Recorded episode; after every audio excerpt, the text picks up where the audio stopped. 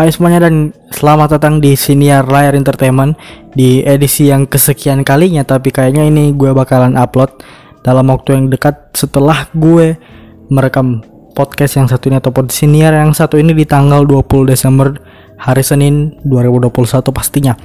Dan pastinya ini bukan hanya menjadi siniar yang bisa didengarkan di Anchor ataupun di Spotify, tapi ini juga akan menjadi video dengan footage yang mungkin akan random, mungkin hanya gameplay dari game Spider-Man mungkin yang akan gue masukkan untuk ya saya kadar selingan jadi mungkin kalian kalau yang nonton di YouTube uh, bolehlah untuk nonton sambil melakukan Kegiatan lainnya sembari hanya untuk mendengar audionya ataupun suaranya karena gak ada yang bisa kalian lihat di layar selain mungkin kalian ingin menikmati game Spider-Man-nya.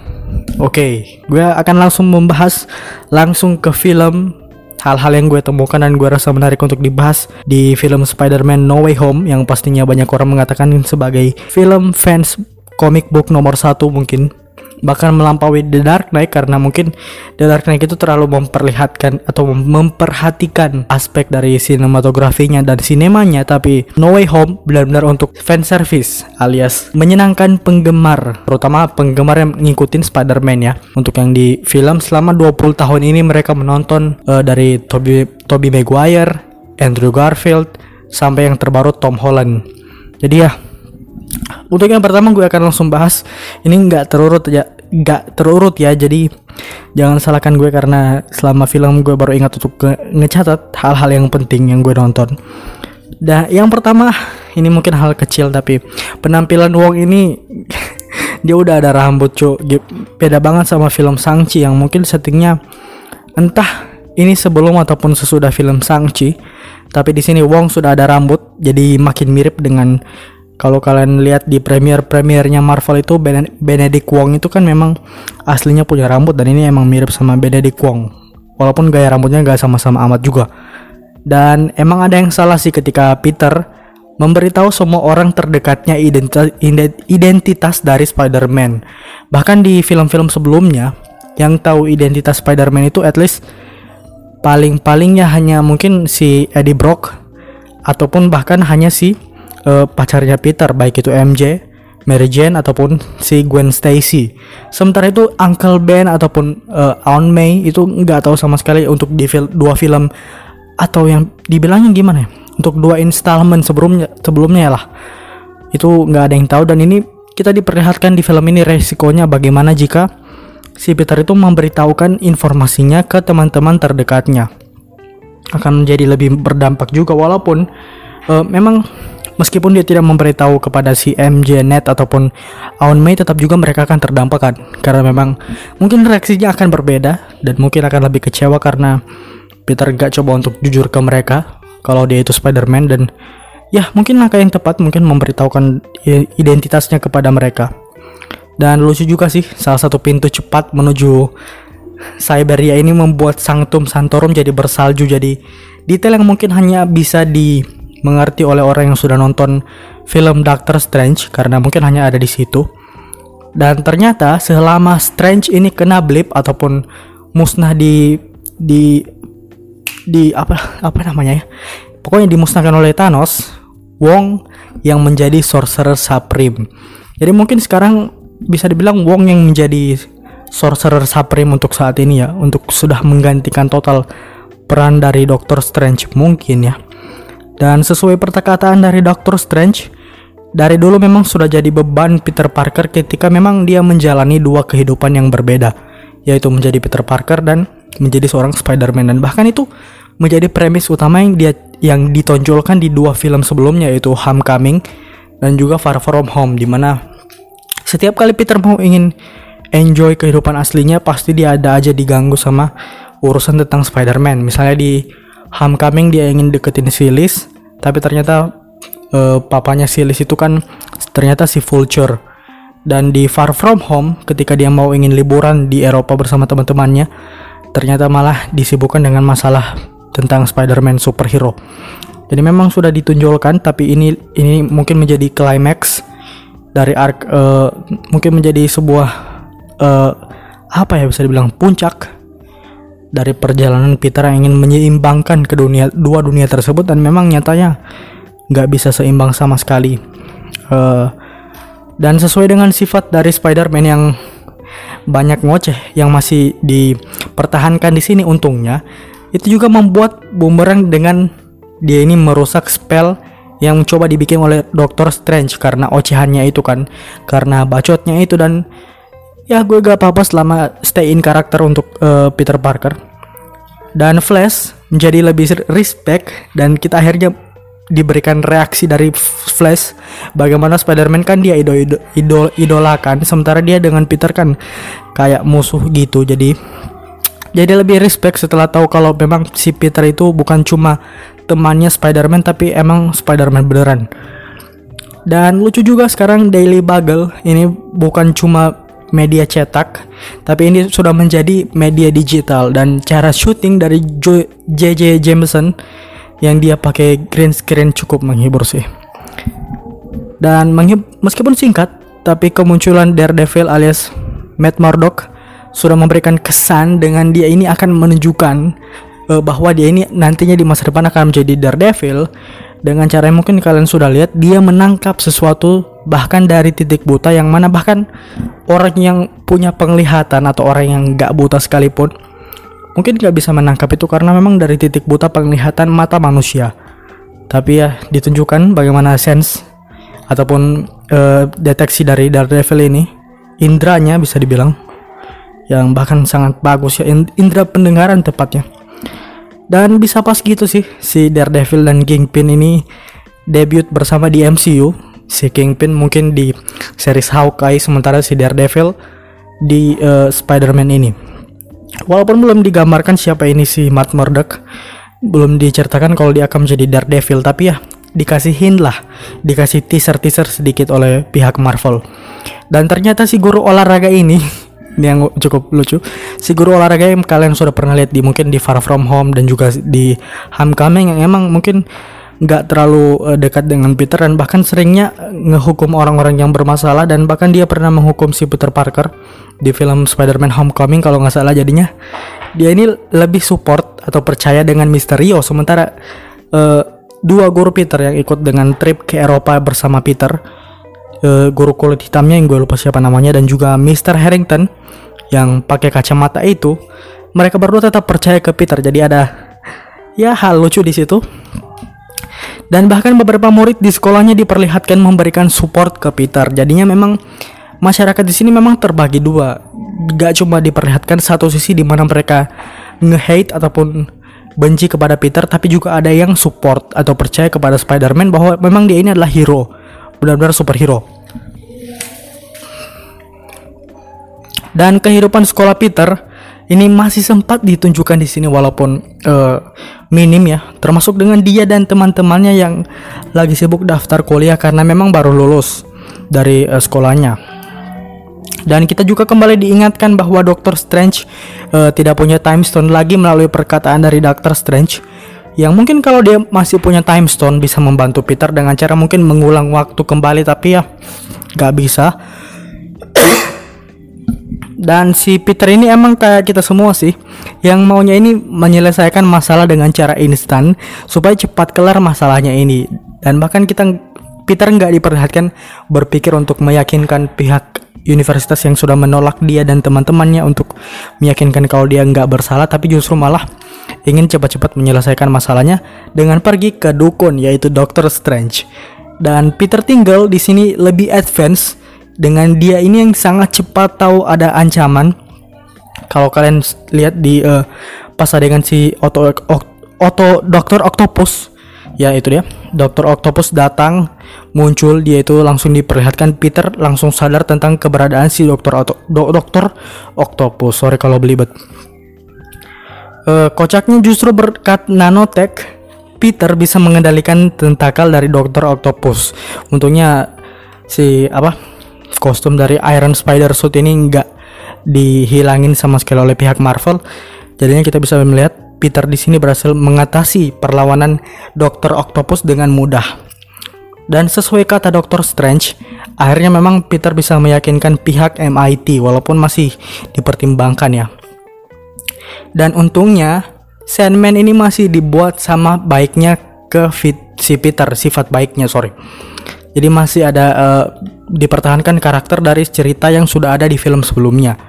Dan masuk akal juga alasan elektro di sini berbeda bentuk atau warna listriknya ini berbeda dari biru di film sebelumnya di Amazing Spider-Man menjadi kuning di No Way Home memang karena dia memang sudah pindah universe. Kalau kalian ingat kan uh, di What If kan ditunjukkan kalau kalau ada satu barang ataupun satu kekuatan jika berpindah universe mungkin efeknya akan beda atau bahkan tidak bekerja sama sekali.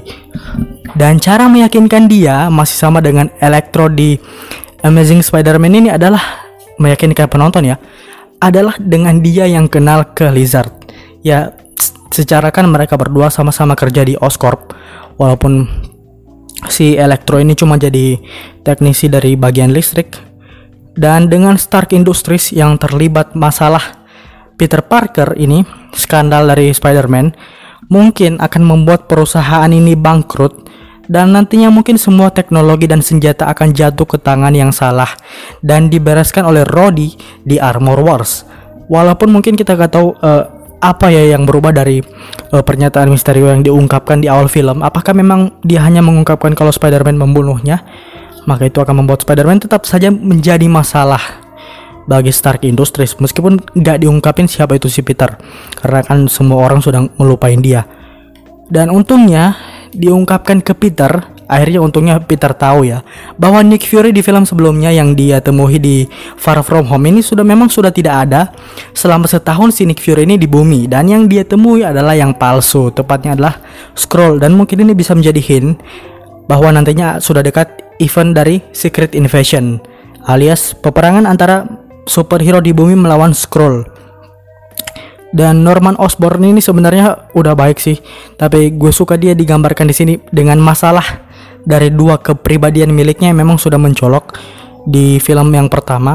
Spider-Man pertama milik uh, Sam Raimi tapi emang di situ uh, kurang dieksplorasi karena memang mungkin uh, fokusnya lebih ke pembangunan karakter Peter Parker dan juga karakter Spider-Man originnya uh, di film itu yang si Tobey Maguire. Dan ya jadi keinget game Spider-Man sih.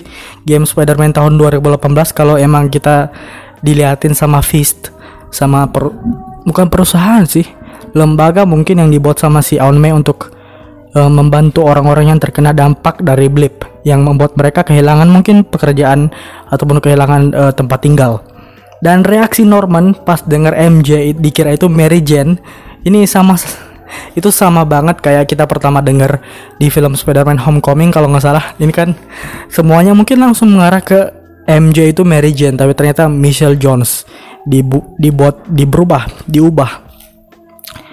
Dan jadi keinget sorry bukan itu dan lagi-lagi rasa naif yang ingin uh, si Peter ini yang ingin menolong para villain ini membawanya ke dalam masalah. Karena memang kan begitu dari berbagai film yang pernah ada si Spider-Man ini selalu membuat masalahnya itu dari dirinya sendiri. Entah itu dia ceroboh ataupun bahkan naif. Bahkan di film-film sebelumnya, kan di installment-installment sebelumnya uh, Spider-Man milik Tobey Maguire ataupun Andrew Garfield kan mereka itu membuat villainnya sendiri karena memang kecerobohan mereka sendiri misalnya si Tobey Maguire yang membuat uh, si Sandman dan si yang terutama sih si Andrew Garfield yang membuat karakter Electro dan sejak awal ini gue heran kenapa Sandman yang baik ini tiba-tiba melawan uh, Spider-Man. Dan ternyata ini diungkapin juga cuy di akhirnya bahwa ternyata memang dia ini ingin cepat-cepat balik ke universe-nya untuk nantinya ketemu sama putrinya lagi. Dan cukup masuk akal, cukup logis. Dan ternyata Doctor Strange masih memerlukan sling ring demi buka portal. Ini yang gue kaget banget sih karena gue kirain kan si Doctor Strange sudah uh, Sorcerer Supreme kan harusnya kan bisa buka tanpa sling ring lah tapi ternyata dia pas disuri, disucuri sling ringnya malah jadi panik dia dan kata-kata I am something than a scientist itself ataupun myself gue juga lupa apa yang myself atau itself ya pokoknya itu itu emang langsung ngebawa nostalgia banget sih ke film Spider-Man yang pertama milik Tobey Maguire. Wait. Dan kemunculan elektro di gardu listrik ini mengingatkan kita dengan pekerjaan Max Dillon sebelum berubah. Ya mungkin perbedaannya kecuali dia di sini tidak cupu lagi lah ya. Dan selain Norman, gue baru ingat kalau Otto Octavius ini dikendalikan oleh tentakelnya sendiri. Jadi ya membawa flashback juga ke masa lalu uh, untuk membuat penonton ingat lagi lah apa yang terjadi dan juga cerita apa yang ada di film Spider-Man milik Tobey Maguire. Kematian Anne May sama itu sama persis pas gue liat itu sama persis posisinya dengan serangan Norman di versi Sam Raimi diserang dari belakang kan. Walaupun mungkin di versi Sam Raimi itu apa ya beda juga karena dia juga nggak mati dan juga diserang pas dia lagi di rumah lagi duduk. Jadi kan udah memang lagi bertempur. Dan anjir ketimbang Uncle Ben sekarang Enme yang ngucapin kata-kata legendaris itu with the great with the great power comes great responsibility dan gue nggak nyangka sih. Gue keren kata-kata itu bakalan dihilangin aja dari film Spider-Man ini. Installment ataupun trilogi yang kali ini karena mungkin sudah basi dan mungkin itu yang dirasakan. Mungkin penonton kalau dengar kata-kata itu udah nggak kagum sama sekali. Rasa kagumnya mungkin lebih ke fun dengar itu mungkin jadi ketawa. Walaupun itu adegannya lagi sedih banget pas si NB udah mau mati.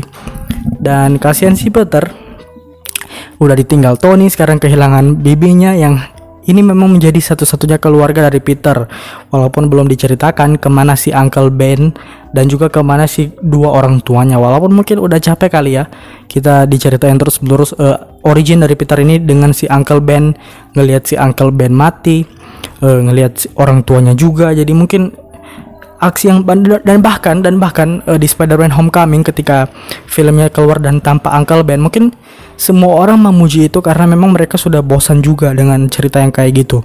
Udah di dua installment masa dilanjutin lagi dan uh, dan berita Mei putus dengan happy. Gue juga ingat. Itu tiba-tiba banget dan ini mengingatkan gue dengan berita tiba-tiba si Ned bilang kalau dia putus sama si Betty di akhir dari film Spider-Man Far From Home. Dan ya karena untungnya ini dibuat logis karena sling ring ada di net makanya kemunculan dari kedua Spider-Man ini dibuat dengan realistis dan sekaligus kocak anjir. Ketemu langsung bukan cuma bukan langsung ketemu sama si Peter ataupun dengan cara keren mereka da datang tapi malah ketemu dengan si Ned dan juga si MJ jadi mungkin reaksi reaksi dari si Net dan juga si MC ngegambarin gimana reaksi dari para penonton dan kayaknya emang mama si Net ini ngomong bahasa Tagalog. Kalau kalian ingat di rumah si Net di mana Jacob Batalon uh, pemeran si Net di dunia nyata ini memang punya darah Filipina dan dia juga memang bisa bahasa Tagalog di salah satu interviewnya. Uh, reaksi pas Toby ketemu dengan Andrew ini emang natural dan realistis banget ketika mereka bertemu mereka langsung saling menyerang walaupun itu mungkin hanya mengetes dan ternyata mereka sadar kalau sama-sama Spider-Man walaupun dari universe yang berbeda. Dan ini gue curiga jangan-jangan multiverse of madness terjadi hanya karena kesalahan spell Doctor Strange di sini. Buktinya dia tidak mampu mendeteksi dua Spider-Man dan mungkin sudah ada yang lebih dari itu. Dan memang kita ditunjukkan di post credit scene memang udah ada yang lebih dari itu yaitu si Venom. Tapi diperlihatkan juga si Venom juga balik juga ke universe-nya walaupun ya kita akan bahas, itu. Tapi kayaknya udah beres sih. Dan mungkin multiverse of madness yang dimaksud mungkin bukan terjadi karena di sini. Dan gue baru sadar kalau pacar ketiga Spider-Man ini memang berbeda semua ya. Maksudnya dari si MJ Mary Jane terus si uh, Gwen Stacy sama sekarang si Michelle Jones. Jadi emang dibuat berbeda mungkin sengaja kali. Supaya penonton gak bosan sama sekali. Dan kayaknya emang Peter Parker ini harus mengalami takdir kehilangan orang yang disayangi. Entah bagaimana untuk apalagi mungkin gue rasa lebih tepatnya lagi di film kali ini untuk membangun uh, karakternya sendiri menjadi development karakter tersendiri. Jadi titik di mana dia mungkin tumbuh dewasa dan juga belajar dan kocak sih pas si Ned tanya ini soal sahabat dari kedua Spider-Man yang emang udah digambarkan kalau mereka ini punya sahabat yaitu si Harry Osborn yang akhirnya ngehianatin mereka menjadi si uh, Green Goblin kan jadi kocak tapi juga buat pembaca komik jadi bisa tahu kalau memang jangan-jangan di masa depan si Ned akan dijadikan sebagai Hobgoblin. Ya, siapa tahu ya. Mungkin masih sama uh, sahabat dari Spider-Man. Apalagi kan kita diperlihatkan di akhir film kalau mereka berdua si Ned dan juga si MJ kehilangan ingatan tentang Peter kan. Bisa jadi loh si Peter mungkin tahu si Ned tapi si Ned kan nggak tahu si Peter. Jadinya Hobgoblin melawan Spider-Man. Gila bisa keren banget sih itu di trilogi selanjutnya.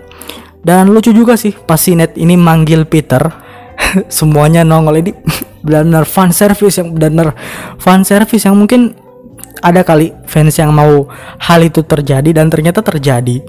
Dan lucu lagi pas mereka ngebandingin web shooter masing-masing dan ya gue tahu ini si Toby dengan mudah mengeluarkannya dengan alami dengan natural tanpa bantuan alat. Dan ini memang kalau fun fact ya ini di tahun-tahun segitu yang penggemar komik aslinya itu emang sempat protes karena di komik aslinya Spider-Man itu butuh web shooter untuk membantu uh, alat lah. Untuk membantu mengeluarkan jaringnya. Tapi malah si Tobey Maguire versinya dari Sam Raimi digambarkan alami gitu. Jadi natural. Gak perlu alat untuk mengeluarkan jaring. Dan itu sempat diprotes sih oleh beberapa penggemar komik. Walaupun ya diterima-terima aja pada akhirnya. Dan gila si J Jonah Jameson ini walaupun apa ya walaupun si Peter nggak terlalu uh, sakit hati ataupun juga nanggepin dia tapi J Jonah Jameson ini tingkah lakunya dengan merendahin Spider-Man jadi memang stay in karakter dengan yang apa yang digambarkan di komik, animasi ataupun bahkan di film-film sebelumnya. Jadi ya itu cukup kocak sih walaupun kayaknya nggak ada deh di Amazing Spider-Man dia ya. Sayang sekali. Dan pertama emang gue gak ngerti dengan alien apa yang Toby lawan tapi ternyata ya malum lah. Film Spider-Man yang ketiga kan emang sebusuk itu sampai alur ceritanya aja udah banyak dilupain sama orang-orang. Ternyata yang dia lawan itu adalah Venom kalau kalian ingat. Yang bahkan sempat nempel ke diri si Peter Parker. Si Spider-Man lebih tepatnya yang jadiin dia kostumnya jadi warna hitam kan dan lucu juga kalau dibandingkan kedua uh, yang lain lawan alien, si Toby ini cuma lawan Raine di akhir Amazing Spider-Man kedua. lawan badak lo orang Rusia. Dan emang si Tom Ho si Tom Holland versi Spider-Man dari Tom Holland ini memang harus diakui udah paling kuat. Udah umurnya paling muda kan lawan penjahat sebesar Thanos. Walaupun bukan dia yang kalahin tapi ya dia sempat lawan dan bahkan sempat sukses menendang dan bahkan mukul si Thanos. Jadi pencapaian tersendiri untuk karakter Spider-Man dibandingkan dua pendahulunya. Dan si Toby bilang kalau Andrew ini ama amazing. Ini pasti ini pasti gue yakin ini referensi untuk judul Amazing Spider-Man. Karena emang ya sesuai dengan judul komik aja lah dan untungnya Peter ini nggak pakai Iron Spider mungkin karena emang udah rusak. Karena dia ini bakalan jadi Spider-Man dengan kostum yang paling canggih di antara mereka bertiga. Jadi ya untungnya itu nggak terjadi lah. Dan wajar sih si Sandman ini lawan Spider-Man ya seperti gue bilang tadi. Uh, dan lucu banget pas si Peter mention Avengers ini yang paling lucu sih. Ini satu fan service yang paling lucu jokesnya pasti Peter mention dia kerja sama Avengers tapi dua anjir. Tapi kedua Spider-Man nggak tahu apa itu Avengers. Ya maklum lah. Waktu itu juga mungkin Spider-Man lebih terkenal daripada Avengers di kalangan yang orang yang cuma nonton film. Waktu tahun-tahun segitu ya. Bahkan waktu si Tobey Maguire mungkin pas si Andrew Garfield udah ada Avengers ya. Dan iya bener yang bocor di trailer versi Brasil yang sempat bocor. Uh, ternyata emang kayaknya Sony sengaja untuk membocorkan atau bahkan mereka mungkin tidak sengaja memperlihatkan adegan di mana itu jorok banget cara ngehapusnya. Lizard ada yang mukul dan ternyata emang betul itu si Spider-Man Andrew Garfield. Dan gue kirain si Dr. Kurt Connors ini pemerannya nggak bakalan ditunjukin. Begitu juga dengan Sandman tapi ternyata emang bukan pemerannya yang memainkan tapi itu adalah footage lama dari film yang lama. Itu gue nggak perhatikan juga sih. Baru gue tahu faktanya belakangan di Twitter. Dan gue juga suka dengan bagaimana cara Spider-Man masing-masing dari Spider-Man berdamai dengan para musuh yang pernah mereka lawan dan bahkan pernah mereka buat. Ter terutama ini terutama si Max Dylan Max Dylan yang sebenarnya ini pada awalnya kan dia jadi idola nomor satu Spider-Man. Bahkan dia dia bilang dia pertama kalinya lihat muka si Peter Parker kan maksudnya muka si Spider-Man dan dia dia bilang dia kirain uh, dia ini black ataupun orang kulit hitam sosok di balik Spider-Man ini karena mau ngebantu orang-orang yang bahkan minoritas tapi kayaknya ini buka bisa jadi jadi teaser juga untuk kemunculan Miles Morales mungkin Spider-Man kulit hitam. Dan untungnya sifat Otto dan Colin Farrell ataupun Sandman di sini nggak diubah sama sekali jadi tetap stay on karakter, tetap baik walaupun kadang-kadang ada juga sifat jahatnya. Gue juga suka dengan bagaimana payoff yang ditujukan ketika Andrew ngenyelamatin si MJ supaya dia ini bisa membayar apa yang terjadi ke Gwen yang pastinya itu adegan yang paling sedih mungkin di sepanjang installment uh, dua film dari Amazing Spider-Man dan kostum baru dari Green Goblin ini tanpa topeng dan tanpa googles eh sorry pakai googles ini jadi lebih bagus dan kayaknya lebih modern juga untungnya. Dan ini jadi lebih membuat si uh, William Defoe kita bisa lihat memang kualitas aktingnya bagus. Bahkan dia tanpa topeng sekalipun masih juga, masih bisa menunjukkan uh, mimik wajah yang sangat bagus dan sangat sesuai. Dan bahkan ini membuat banyak orang termasuk gue sendiri merasa dia sudah cukup lah. Mungkin bisa dicoba untuk dimainkan sebagai The Joker karena feelnya feelnya The Joker banget cuy. Dan tragis banget ini pasti si Peter nyuruh untuk ngekas spell ini juga gue juga nggak uh, kebayang ataupun bahkan belum ada belum gue dengar rumor tentang hal ini tentang tentang ed, endingnya. Jadi mungkin pihak studio dan bahkan sutradaranya sudah berhasil bukan cocok sudah berhasil untuk uh, melakukan plot twist di bagian ending dengan membuat si Peter nyuruh si Doctor Strange buat semua orang yang kenal dengan si Peter ngelupain tentang dirinya Ya, tapi di satu sisi bagus banget untuk mengakhiri saga Spider-Man trilogi ya untuk tiga film yang pertama ini di MCU. Mungkin akan lanjut lagi dan kayaknya emang lanjut. Kayak ada rumor kayaknya dari Amy Pascal uh,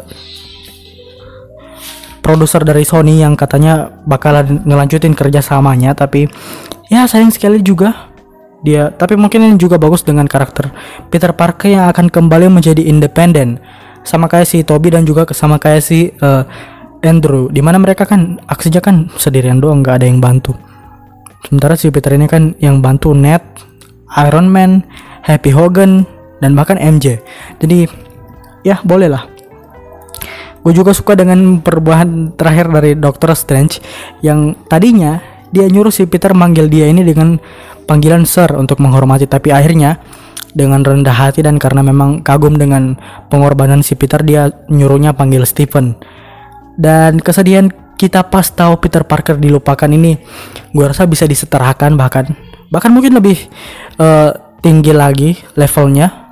Kalau untuk fans Spider-Man pas kematian Iron Man mati jadi mungkin kedua scene ini bisa disetarakan level kesedihannya ya.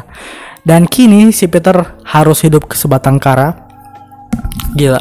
Entah kenapa film ini bisa kayak gitu. Dikasih awal-awal dikasih yang fun fun mungkin awal ini intens dengan si Peter orang-orang tahu. Jati dirinya adalah seorang Spider-Man. Tapi akhirnya dikasih fun uh, terus tiba-tiba langsung intens lagi dan akhirnya di ending dikasih full.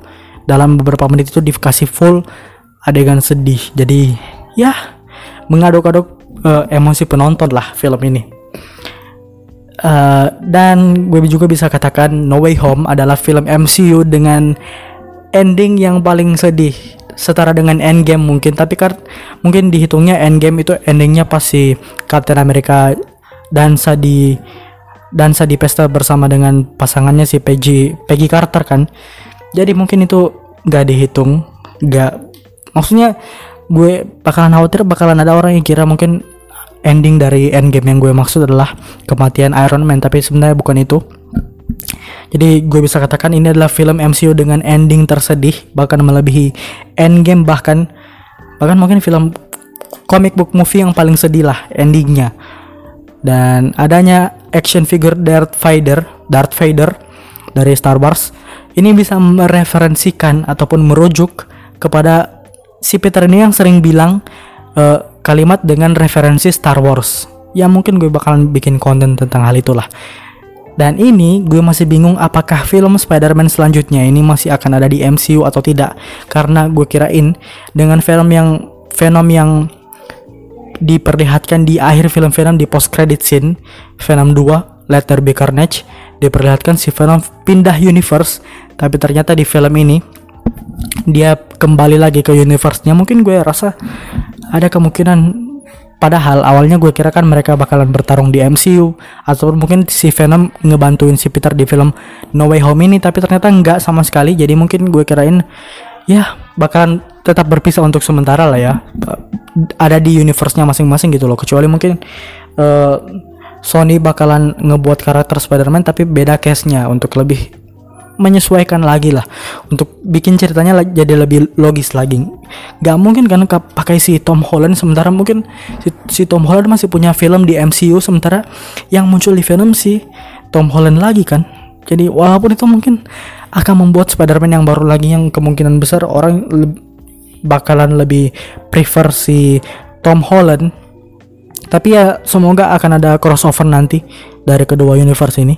Terutama juga kan bakalan dalam waktu dekat bakalan rilis film Morbius dan juga film Blade yang satu vampir yang satunya pembasmi vampir. Jadi mungkin itu dua juga bakalan di crossover dipertemukan bakalan menarik nanti bakalan menarik banget sih.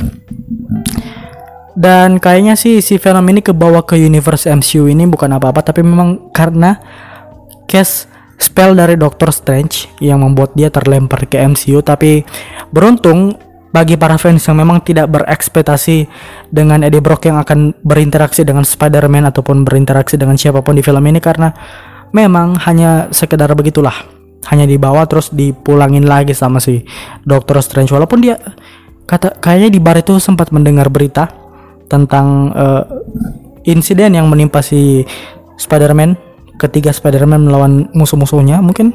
Tapi yang menarik banget gila.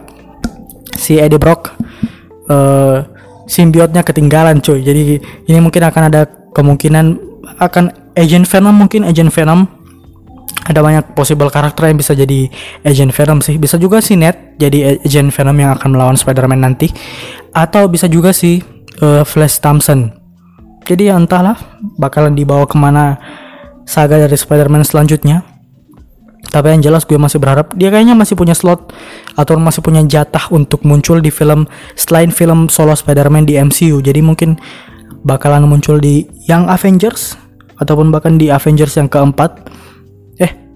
Avengers yang kelima, sorry.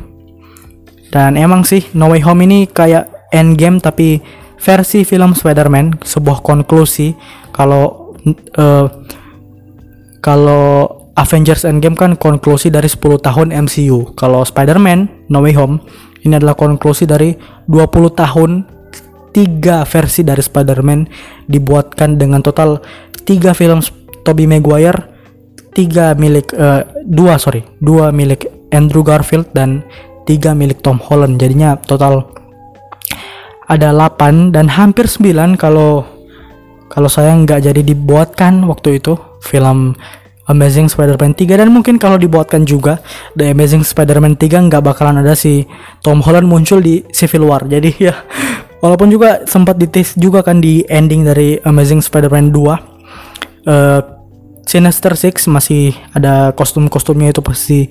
Kemunculan si Raina dan kebetulan kayaknya itu si Eddie Brock ya kalau nggak salah. Eh bukan si Harry Osborn yang bakalan bentuk Sinister Six. Yap ada kostum vulture gue tahu itu.